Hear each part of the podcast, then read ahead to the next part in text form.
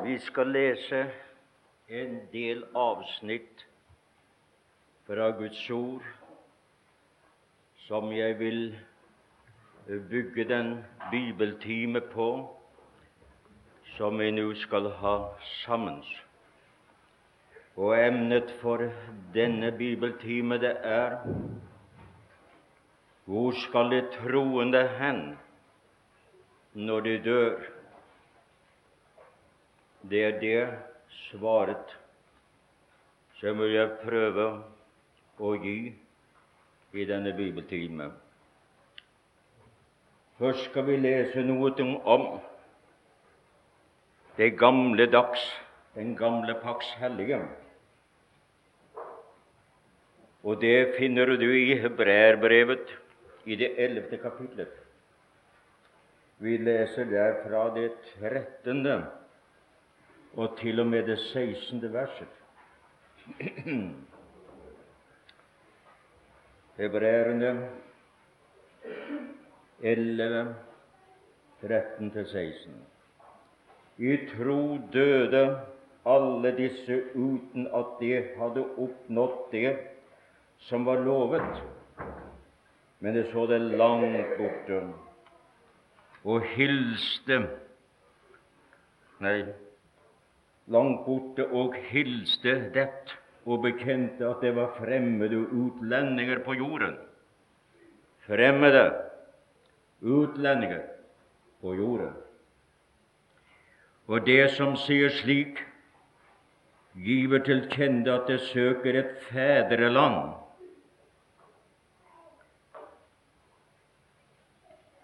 Og dersom det hadde tenkt på det som det var kommet fra, da hadde de jo hatt tid til å vende tilbake. Men nå stunder efter et bedre, det er et himmelsk land. Derfor skammer Gud seg ikke ved dem ved å kalle deres Gud, for han har gjort en stad ferdig til dem. Her er det tale om et land, her er det tale om en by. Vi skal videre lese fra det tolvte kapittelet i Hebrevet. Og det er fra det attende til og med det 24. Nei, ja. Nei, jeg tror vi begynner med det 22. og leser til det 24.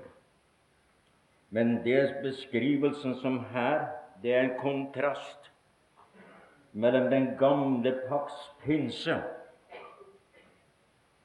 For pinse betyr 50. Og det var 50 dager fra påske til pinse. Og her er kontrasten mellom den gamle pakts pinse og den nye pakts pinse, under loven og under nåden. altså. Men jeg er ikke kommet til Sionsberg. Det var dit de kom og fikk loven. Og den levende Jeg er ikke kommet til Sionsberg. Nei, vi er kommet til Sionsberg og den levende Guds stad. Det himmelske Jerusalem, merker dere uttrykket, og til englenes mange tusen, og til høytidsskaren og menigheten av det førstefødte som er oppskrevet i himmelen, og til dommeren som er alles Gud, og til det fullendte rettferdige ånder, og til Jesus, mellommannen for den nye pakt, og til oversprengningens blod, som taler bedre enn Abel. Det er forskjellen, for dette er stillingsmessig og ikke erfaringsmessig, det man har i Kristus som ypperste prest. Vi skal ennå ha et lite avsnitt før jeg begynner å si noe. Det vil du finne i Pauli annet brev til korintierne. Fra det fjerde verset leser vi. For vi som er i denne hytte, det er også blant annet oversatt jordgamme.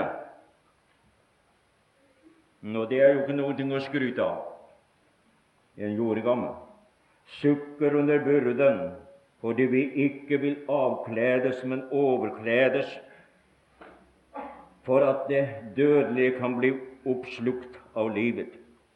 Men den som har satt oss i stand just til dette, er Gud, Han som gav oss Ånden til pant.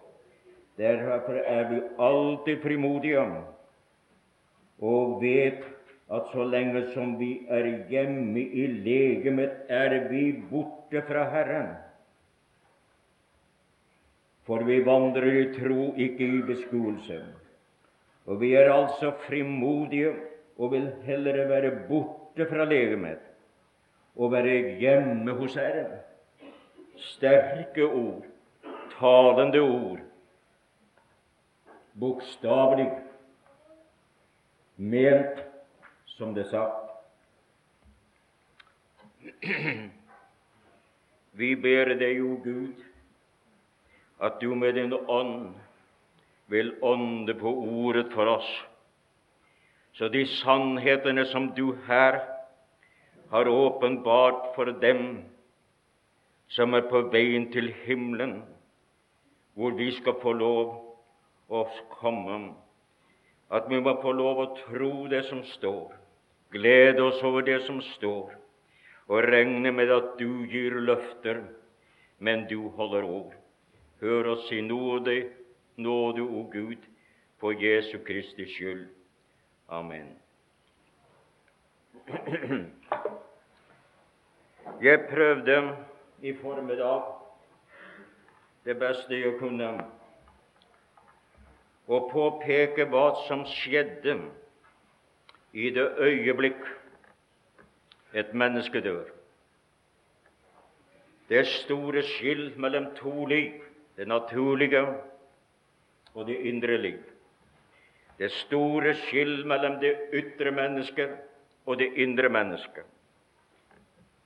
Hva vi forlot her, hva vi tok med oss dit, fordi at vi hadde det evige liv, eller har, skal ha det, evige, ha det evige liv når vi reiser herfra.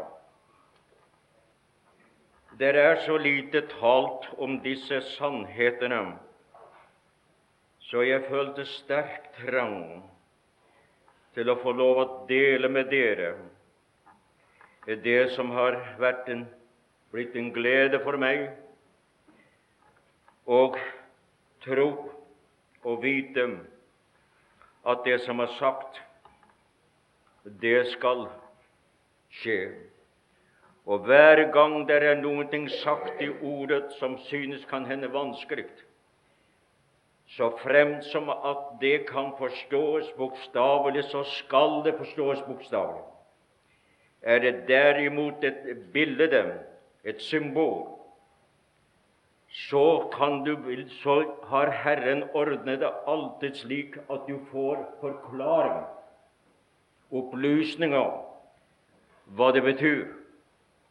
For eksempel Sinai-ørkenen og loven.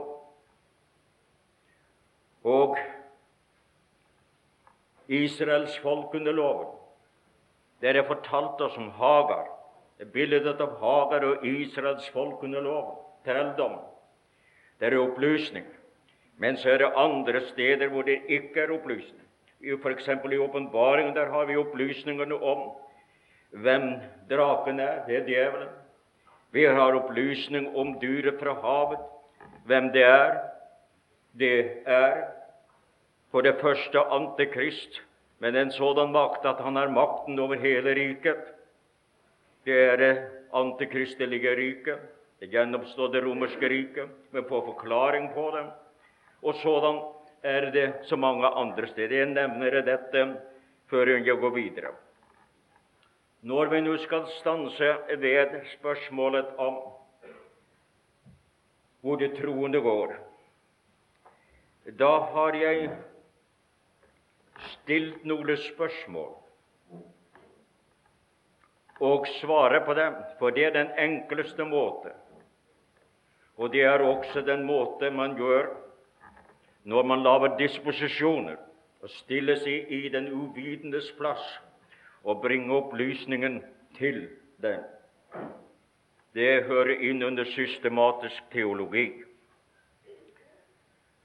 Da har jeg fremst eller stilt følgende skriftspørsmål Hvorfor må det indre mennesket forlate denne verden? Hvorfor kan det ikke bli her? For det annet skal de da reise her fra ene, får de noen ledsager på veien? Og for det tredje, hvorfor må de ha en sånn ledsager, eller slike ledsager? Og hvor reiser de da hen? Og hva finner de når de kommer dit? Eh, slike spørsmål, ved å besvare dem, skulle kunne bringe oss til å danne oss en mening om det som ligger foran oss. Og vi vil da begynne med det første. Hvorfor forlate det indre mennesket denne jord? Hvorfor kan en ikke være her, rusle omkring millionvis av ånder, slik som noen hevder? Jeg vil prøve å nevne grunnen. Når Og det vil jo ikke være å fare herfra, det vil jo være her. Det vil jo ikke fare opp, men det vil å bli hvor vi er. Når den troende dør og ånden forlater legemet, da har den fullført sin oppgave som Gud ga den ved å gi menneskene et ånd, for det har Han ikke gitt dyrene det er ikke to dyr, det er bare ett dyr. Men mennesket det er et ytre menneske og et indre menneske. Da har den utført den oppgave så fremt som den har sagt ja til Jesus og er i harmoni med hans vilje, blitt frelst av nåde, renset på grunn av forsoningen i Kristus og eier det evige liv. Det er dette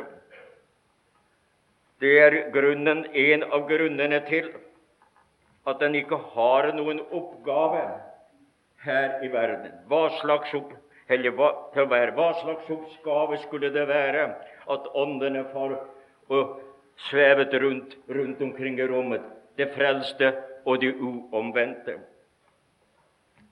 Det bare forbauser meg at det i virkeligheten er så mange som tror det. Men en videre det inde vortes menneske, som Ånden jo er.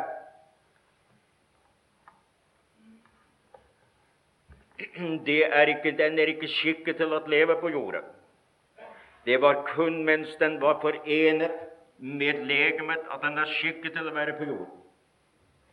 Den er ikke skapt av grunnstoff, som jeg nevnte, de 14 grunnstoff og er altså ikke noen direkte kontakt eller forbindelse med den, bortsett fra legemet.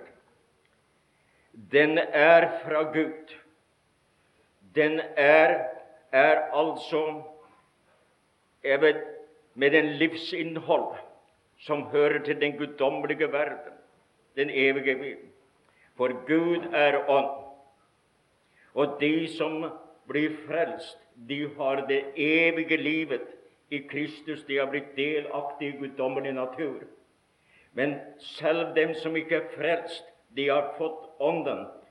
De har fått det innvortes mennesket, og det lever videre. Det kan ikke dø, det kan ikke utslettes, for det er en del fra Gud. Det er utgått fra Gud, og derfor er det udødelig. Men det har ikke det åndelige evige liv. Det frelst, ufrelste mennesker skal leve i evighet i fortapelsen. Det er Skriftens lære. Men bare dem som har troen på Jesus og lever og frelst, går herfra. De har det guddommelige liv i sin ånd, og det er gitt dem fra Gud ved Den hellige ånd, den tredje i guddom. Men en videre det innvortes mennesket skal til et sted hvor det ikke har vært, på avstander som de ikke kjenner, til forhold som er fremmed for dem, bortsett fra det de ser i Skriften. Å reise uten hvor man reiser hen, det gjorde Abraham, men han var ledet av Den hellige ånd. Nå skal vi også se dette, og Skriften forteller at når de troende dør, skal de ikke reise ene. De skal få følgesvenner. De skal få reisefører for å nå målet. Gud har ikke alene sendt sin sønn for å frelse oss, men han har også og gitt oss Den hellige ånd for at vi skulle ha hans liv. Men han vil også sørge for at det han har kjøpt med sitt blod. Kristus har kjøpt med sitt blod. Det han har vunnet ved sin kjærlighet, dem han har dratt ved sin ånd, dem han har merket for evigheten, dem skal han også sørge for å få dem hjem til herlighet. Gudskjelov. Det skal vi skal ikke famle omkring. Vi skal bli guddommelig ledet frem til målet. Og det bringer meg til en annen hovedtanke, nemlig hvem blir det ledsaget av når det forlater denne verden? Jeg er så inderlig glad for at jeg ikke skal bli ene når jeg skal herfra. Og du skal ikke bli ene. Jeg talte for en stund i en begravelse og nevnte noe av dette. Og da var det noen av den sørgende som kom og sa det gjorde oss så godt å få høre dette, at min kjære søster ikke reiste alene, men at hun har følge. Og nå står det tilbake for meg å nevne hvem er reiseføreren.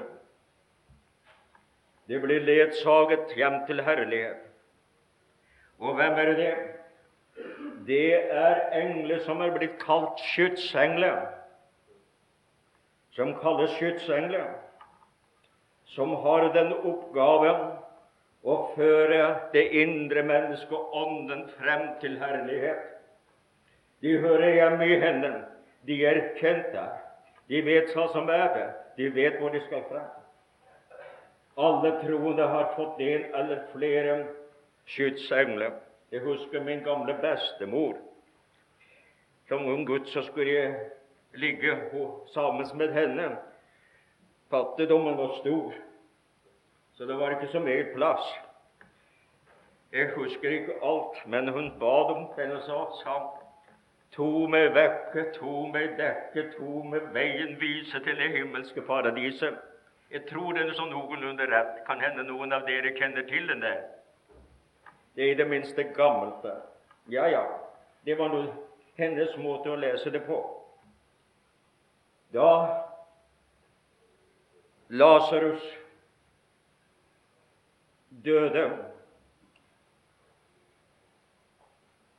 tiggeren, muligens spedalsk Lasar, full av sår, så ble han ledsaget av engler til Abrahams skjød. Hvor mange? Det er i flertall, og derfor det kan det bli spørsmål hvor mange. Og det var på gammeltestamentlig grunn. På nytestamentlig grunn må vi tro det er en mindre reisefølge vi får for å nå målet. Alle englene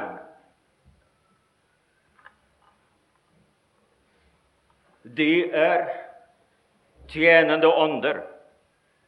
Hvem? For hvem? Utsendt av Gud for å tjene dem som skal arve salighet. Tjenende ånder utsendt av Gud. Vi vet om fra Bibelen at på Nytestamentet grunn fikk besøk av engler, fikk beskjed fra engler, og enda har jo den troende Den hellige ånd. Hvorfor at de da skal ha engler, det kan ikke jeg svare på. Jeg kan bare si dette, at jeg leser om det. Tjenende ånder utsendt av Gud for å tjene dem som skal arve salighet. Og hva tid er det at et menneske skal arve saligheten? Det er når et menneske dør i troen på Jesus Kristus. Da har det nådd endemålet for sin tro, sjelens frelse. Og det må vel være noe som interesserer. Og når det er glede i himmelen over at blant englene at en synder omvender seg, hvor meget mere glede må det vel ikke være at nå er en sjel for evig berget hjem. Skal aldri mere friste, skal aldri mere falle, skal aldri komme til å gjøre noe som bedrøver verken Gud eller ham selv eller noen annen. Hvilken glede det må være. Det er i herlighet. Og jeg tror også det blir glede for dem som er der hjemme, når de ser sine komme hjem. Jeg tror det blir det. Englene, de er altså aktive. Det er det. Hvorfor må det det absolutte døde ha en sådan engleekskorte. Det er den tredje avsnitt i denne min bibeltime. Og svaret er det. Grunnen er den at det må passere et meget farlig område. Og det området er djevelens område. Og det onde ånders område ondskapens ånde her i himmelrommet. Det må de passere. Hvor høyt oppe i himmelrommet det er, det vet ikke jeg. Men jeg vet det at det er ondskapens ånde her i himmelrommet. Det må passere det. Og den Herren er plassert over hele, rundt hele denne klode hvor det er mennesker. Derfor må de ha ekskorte. Og djevelen, ondskapens ånde her Djevelen er alltid ute for å ødelegge, for å skade det som hører Gud til. Og da må de få lov å reise beskyttet av Herrens engler. Men det var ikke alene det da Jesus Kristus for til himmelen. Da var han ledsaget av mange engler. Da han gikk til for til dødsriket, bortførte han fanger. Og hvilke fanger var det? Nå Det jeg nå nevner, det står jo i den 68. salme. Det er en merkelig salme. Det skal være den mest interessante og mest språkmessig fullkomne samle som er i, det, i Salmenes bok. Den er blitt kalt Bibelens berg-og-dal-bane. Den er blitt kalt Oversetternes skam og kritikkernes kors, eller omvendt. Men der er det nevnt Og det er der hvor det er nevnt Herrens krigsvogner. Og der er nevnt tallet på dem. Og det er i den oversettelsen vi har nå, så det, blir det bare 22 000. Det var jo ikke så meget. Til og med David hadde ikke så mange krigsvonger som det der. Men i den gamle oversettelsen der er det annerledes oversatt. Og eh, der er annet oversatt Guds vogner er to ganger titusende, tusen og attertusene. Det er den, nye, det er den gamle. Nei, det er den, nye, den som vi nå har. Ikke den nye. Men en gammel oversettelse som vi har, der er det Guds vogner er to ganger ti tusen og tusende ganger tusende. Der har du millionantall. Og det er vognene. Tallet på vognene. I en annen oversettelse står det to myriader og atter myriader. Ja, og når det er såpass mange, så, det, så er det vel ikke bare vognene skal stå der. Det må vel være noen. Det var Herrens krigsvogn. Elias ble bortrykket med gloende hester og vogn. Gud har mange merkelige ting i den evige verden. Det kan du se når du leser i åpenbaringsboken og også andre steder i Skriften. Det var sikkert dem, og det var dem, og det er sitert i Efeserbrevet om i forbindelse med Jesu Kristi himmelfart. Disse vognene, det var Herrens krigsvogner, og den var forspent av himmelens hær. og det var sikkert engler som førte dem så de fikk engleskyss til herlighet. Det er vanskelig nok å tro dem, for at det er omtalt for hva ellers skulle disse her vognene være på. Ja vel. Og når Herren kommer, så kommer Han med alle sine hengler. Herrens hær. Så det er alminnelig dette i den evige verden at englene er i aktivitet. Ja, hvor skal det da hen? når de troende dør, det er sikkert. Vi må bli fått klar over det. Hvor bærer reisen? Denne reisen går ikke ned til dødsriket. Dit gikk det helt fra Adams død og til den siste som døde, troende før Jesu Kristi oppstandelse og himmelfart. Og fremdeles går alle de fortapte menneskers sjeler de går ned til dødsriket, atskilt i to avdelinger. Paradisavdelingen, fortapelsesavdelingen, forlignelsen om den rike mann og Lasarus, er ikke en lignelse. Jeg sa det var lignelse, men det er det, det er en beretning om forholdet bak døde grav, fortalt av Jesus Kristus, for han visste det. Ja, de skal ikke dit. Fra Kristi himmelfart går alle de frelste hjem til Herren, og han er i himmelen. Han er i himmelen.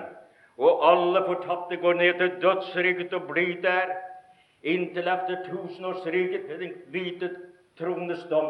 Nå, det var så dette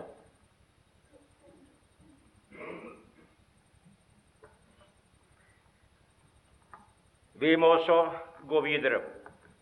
Og det kommer jeg til en femte avsnitt i denne min preken. Og det er hvilke steder i den hinsidige verden er der. For er de der, da skal de dit. Som disse steder som står i forbindelse med de frelste, ikke de ufrelste. Jeg skal få lov å påpeke fem eller seks slike steder som finnes i den evige verden. For det første Når den troende dør og forlater den, da skal han til himmelen, for Jesus er der. Han kom fra himmelen. Han reiste til himmelen. Og Fader vår, sier vi, Fader, du som er i himmelen. Nå er det riktignok tre forskjellige slags himler. Men det er den tredje himmel. Jeg kommer inn senere i taler inn på hva disse himler er. Hva den første, hva den andre himmel og den tredje himmel er. Det skal jeg ikke berøre mer ved det, men det skal det. Således at når et menneske farer herfra, så blir han opptatt til himmelen, slik som Jesus Kristus ble opptatt til himmelen. Så alle våre kjære som er gått forut, de ble opptatt til himmelen. De er der hvor Jesus nå er. Og er ikke det vidunderlig å tenke på at man skal dit? Det var det ene himmelen.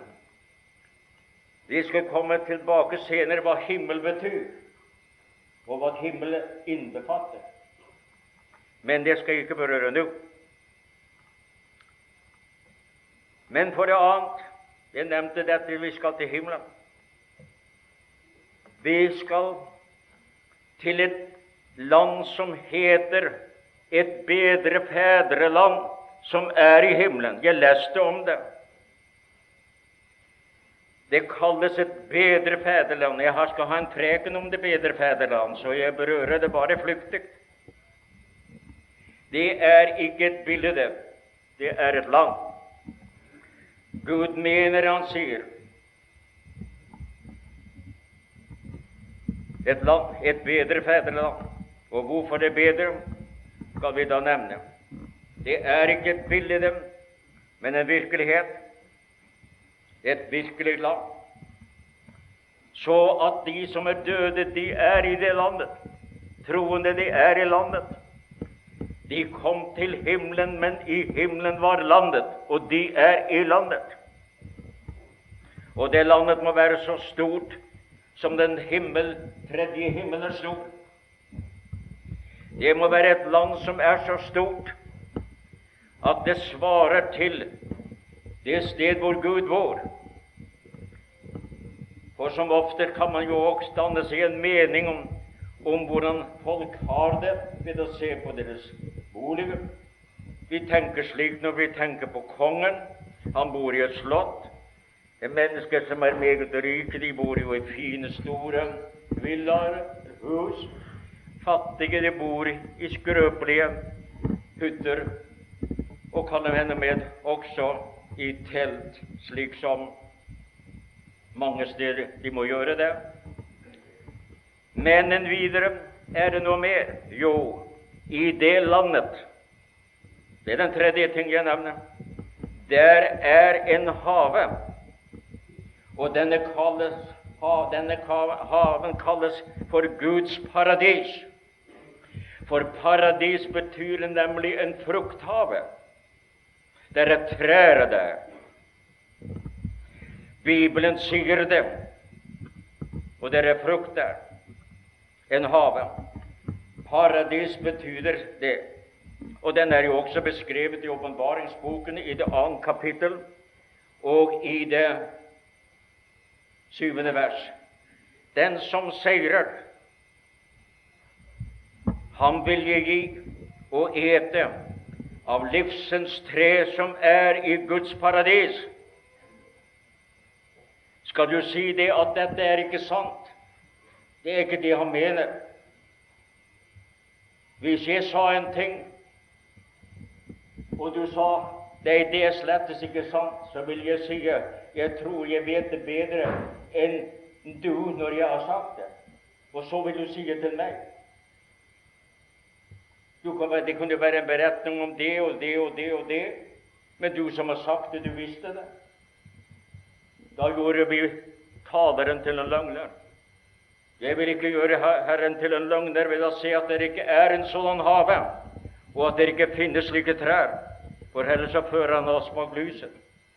Så de som er hjemme i Herren i dag, de er i Guds paradis. Men det er tre forskjellige paradis omtalt i Skriften. Den skal vi også komme tilbake til. Således var det og beskrivelse av det. Men i Guds paradis, der hvor er et mektig fjell som kalles Sionsbjerg. Det var nesten ikke tenkt på at jeg skulle uh, nevne det, for det er en del dissens, forskjellige meninger om dette. Men det er antall. Men jeg er kommet til Sionsberg, og den levende Guds stat, det er bokstav, til det himmelske Jerusalem, men det er stillingsmessig. Vi sitter i himmelen i Kristus, og det er stillingsmessig. Vi er kommet der hvor Han er stillingsmessig. Og så for vi er der stillingsmessig, kan vi komme dit senere i virkelighet, hvor vår ånd kommer der. Og de som er gått foran, er der. Så er vi der.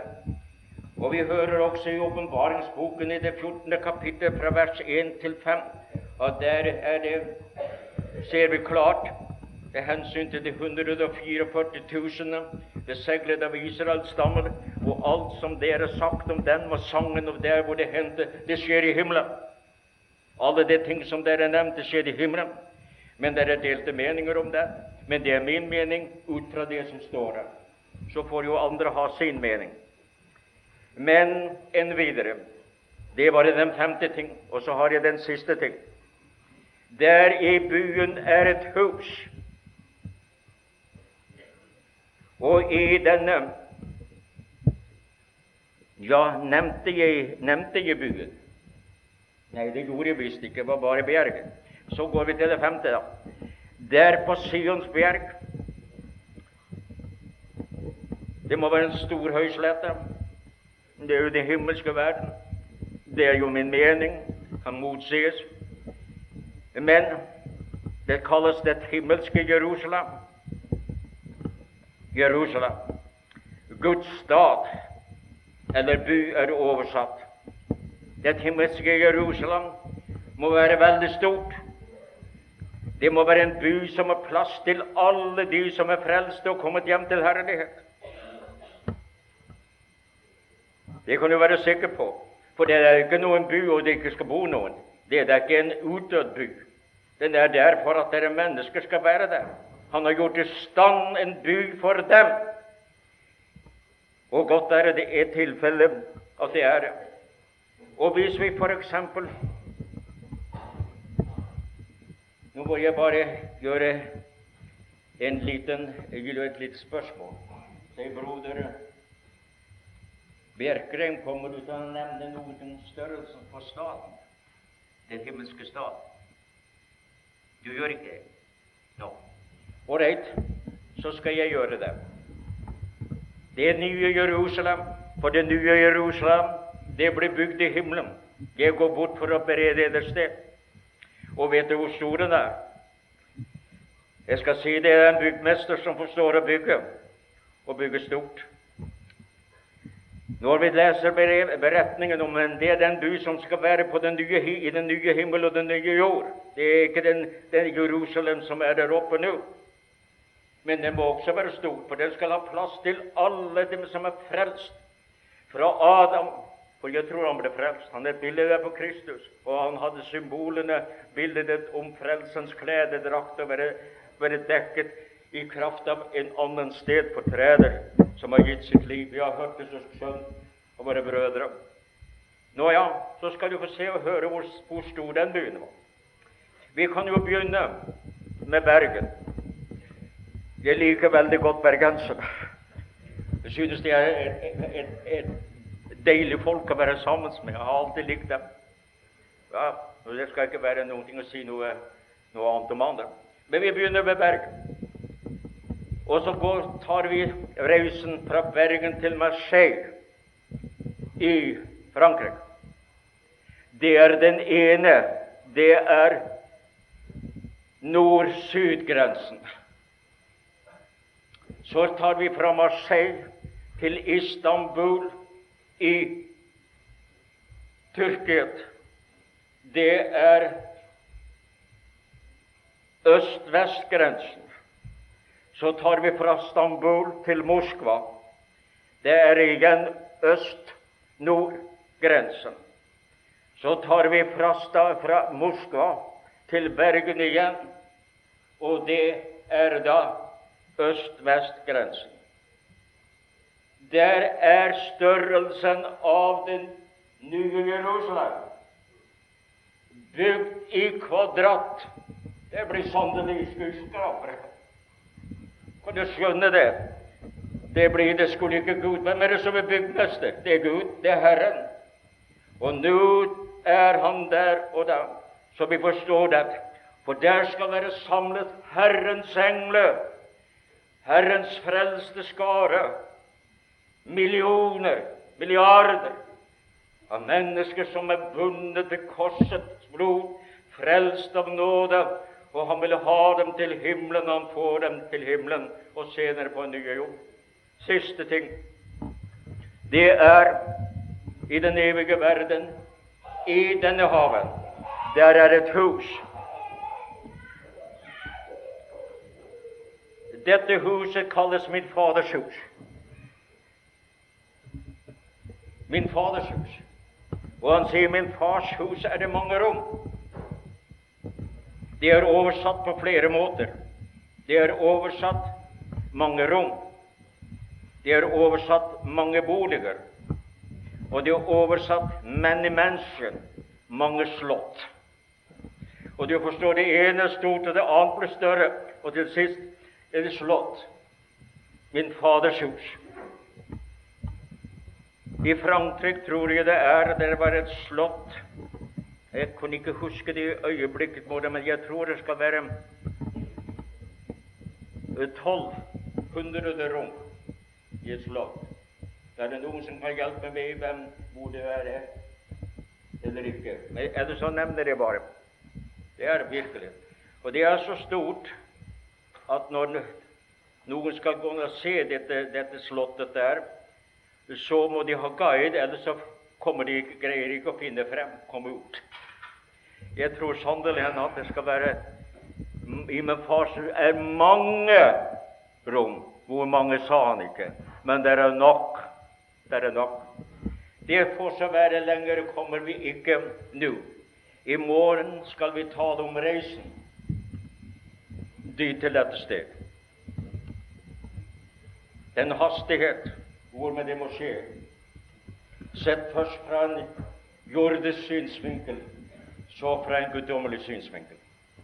Men nå skal vi gå tilbake og avslutte dermed. Vi var kommet frem til et hus, til et slott, og det må det være. Og slottene pleier gjerne å ligge sånn stort sett midt i hovedstaden. Og hovedstaden er det nye Jerusalem, er det himmelske Jerusalem. Da begynner vi der, og så kommer vi dit. Men der i denne buen, den ligger jo i det himmelske paradis. Og det himmelske paradiset, det ligger i det bedre fedreland. Men et land kan jo ikke sveve i luften.